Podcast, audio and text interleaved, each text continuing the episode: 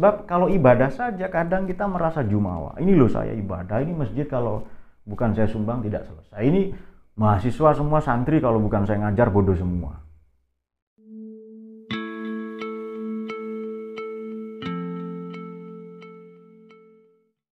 Assalamualaikum warahmatullahi wabarakatuh. Uh, satu keniscayaan bagi kita manusia, natur kita, fitrah kita, nature kita adalah kita ini fujar, kita adalah pendosa. Kita adalah asi. Bahkan sebagian dari kita adalah syirir, setiap hari berbuat syar. Tidak satupun di antara manusia yang tidak berdosa. Ya kecuali tentu saja para nabi, para rasul yang memang dijaga oleh Allah dari itu semua. Juga para malaikat. Namun demikian, bahwa salah, lupa itu sesuatu yang wajar yang para nabi juga mengalami dan bahkan mungkin melakukan beberapa kali. Baik, e, mari kita mengulas sedikit konsep dosa dengan cara pandang yang sedikit berbeda. Misalnya, kepada para pendosa, Allah ini masih memanggil sebagai hambaku. Kepada orang-orang yang berlebihan, yang boros, yang melampaui batas, yang uh, ugal-ugalan lah boleh dikata demikian Allah ini masih memanggilnya sebagai hamba misalnya Bismillahirrahmanirrahim kita bisa melacak di surat Az-Zumar ayat 39 A'udzubillahi minasyaitonirrajim. Qul ya ibadiyallazina asrafu ala anfusihim la taqnatu mir rahmatillah. Innallaha yaghfirudz dzunuba jami'an. Kul katakan Muhammad ya ibadiyah wahai hamba-hambaku alladzina asrafu ala anfusihim yang berlebihan melampaui batas mungkin lalim ya kepada diri mereka sendiri catatannya perintahnya redaksi yang Allah perintahkan kepada Nabi untuk menyampaikan adalah la taqnatu mir rahmatillah. Jangan berputus asa. Jangan hopeless dari rahmat Allah itu. Innallaha yaghfiru dzunuba jami'an. Allah mengampuni semua dosa. Tidak ada dosa yang tidak diampuni. Cuma kita perlu mula-mula mendudukkan bahwa bahwa tidak ada dosa besar dan kecil. Meskipun dosa ini modal utama ya kalau kita ingin diampuni oleh Allah. Jadi Anda berdosa, baik itu modal Anda. Saya berdosa, kita semua berdosa, ini modal kita menghadap Allah. Cuma perlu kita garis bawahi bahwa tidak ada dosa besar dan kecil. Dalam konteks apa? dosa besarkah atau kecil, tetap saja kita bermaksiat berdosa kepada Allah. Jangan lihat dosa besar kecilnya. Misalnya Anda ngintip orang mandi, kucing mandi, ngintip ayam mandi kalau ada ya. Nah, ini dosa kecil lah misalnya. Dosa besar atau kecil tetap saja kita bermaksiat kepada Allah itu.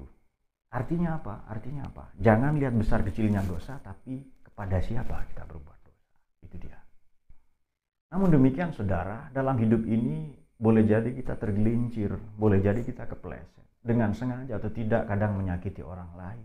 Tutur kata, perilaku, pemikiran-pemikiran, tulisan, status-status di dunia maya, di media sosial, uh, unggahan-unggahan kita mungkin menyakiti orang lain, mencederai perasaan orang lain yang dengan sengaja atau tidak bahkan bahkan boleh jadi mungkin menyebabkan kemarahan boleh jadi menyebabkan air mata dan malapetaka nasional.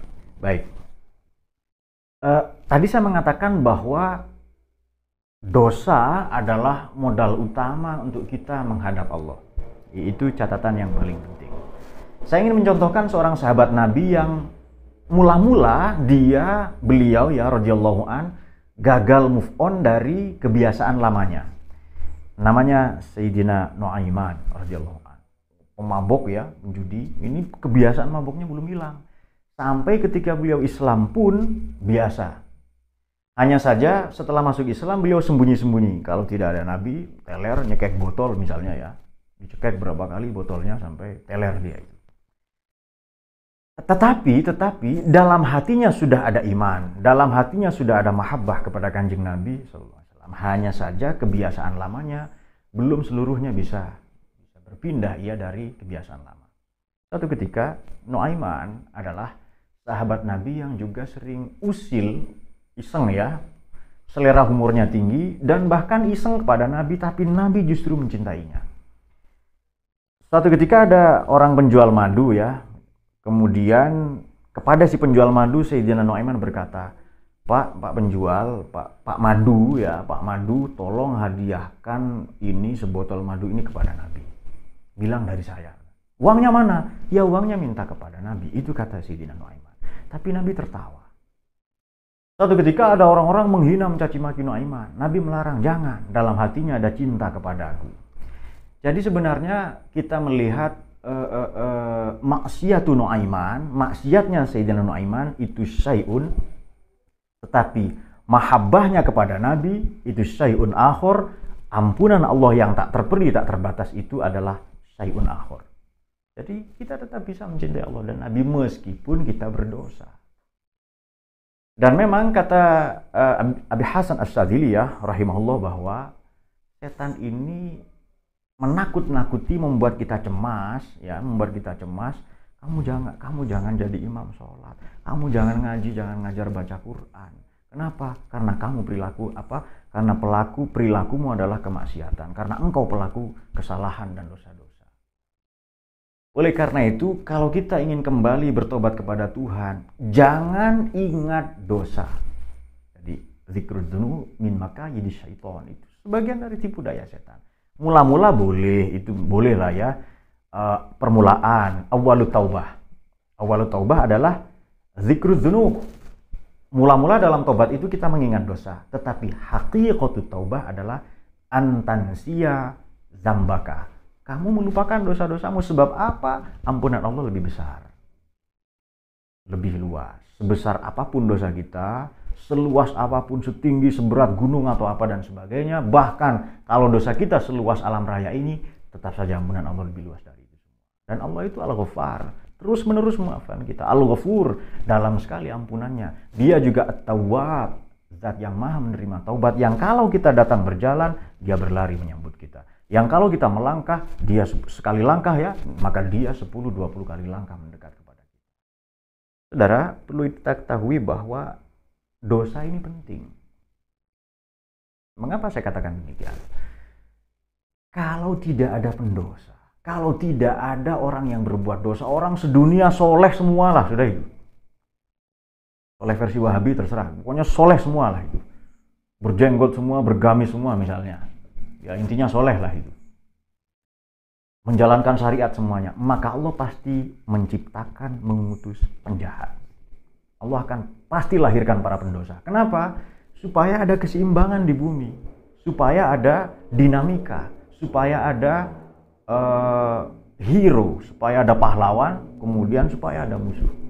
Dan oleh karena Allah ingin menjadikan kita baik, ya sebagian dari kita dijadikan mendosa, sebagian ada setan-setan, baik dari bangsa jin maupun manusia. Oleh karena itu dosa itu penting. Mengapa?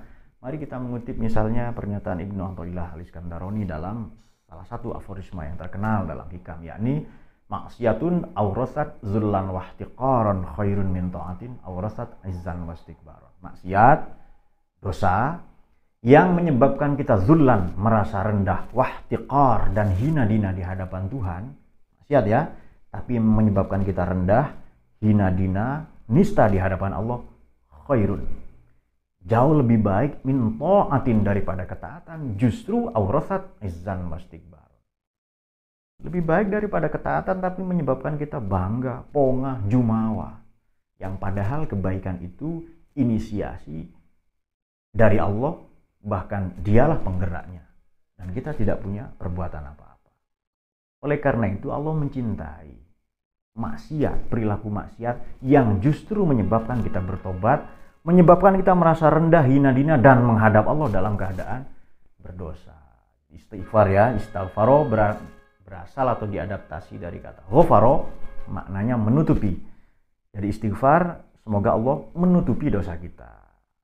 Menutupi misalnya ya seandainya hati kita tidak ditutupi, seandainya isi perut usus kita tidak ditutupi, seandainya pikiran kita tidak ditutupi oleh Allah dan semua orang bisa membaca ya tidak satu pun orang hormat pada kita. Tidak mungkin anak hormat pada orang tua, murid hormat pada guru, rakyat hormat pada pemimpin dan seterusnya.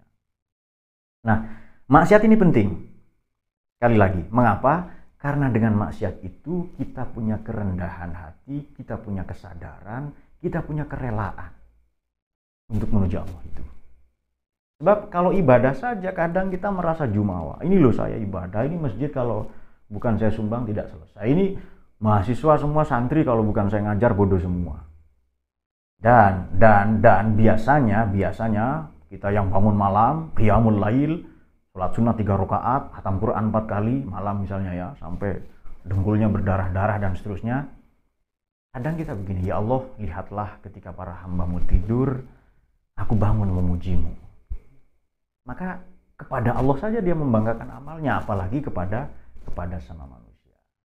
Satu catatan yang tidak kalah penting dalam poin ini, pembahasan mengenai dosa ini adalah pengetahuan, kesadaran, prinsip bahwa sebesar dan seberat apa pun dosa, tetap ampunan Allah tak terperi. Kita contohkan ilustrasi sederhana begini. Uh, air kencing, air kotoran, air comberan. Bagaimana caranya menjadi suci?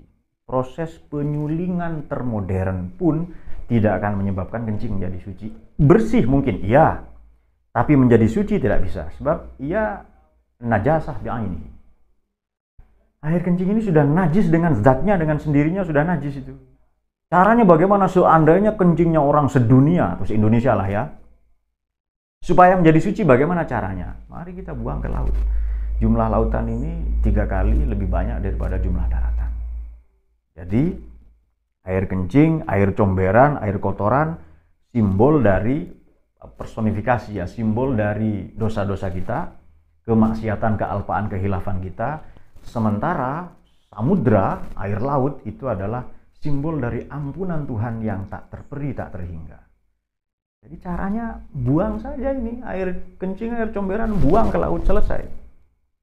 Tidak ada dosa yang tidak diampuni oleh Allah Subhanahu wa taala. Oleh karena itu, kalau sekarang kita berbuat dosa, bangunlah kesadaran keyakinan. Kalau mungkin ada orang saudara tetangga kita berbuat dosa, bangunlah kesadaran keyakinan bahwa ini dosa yang terakhir.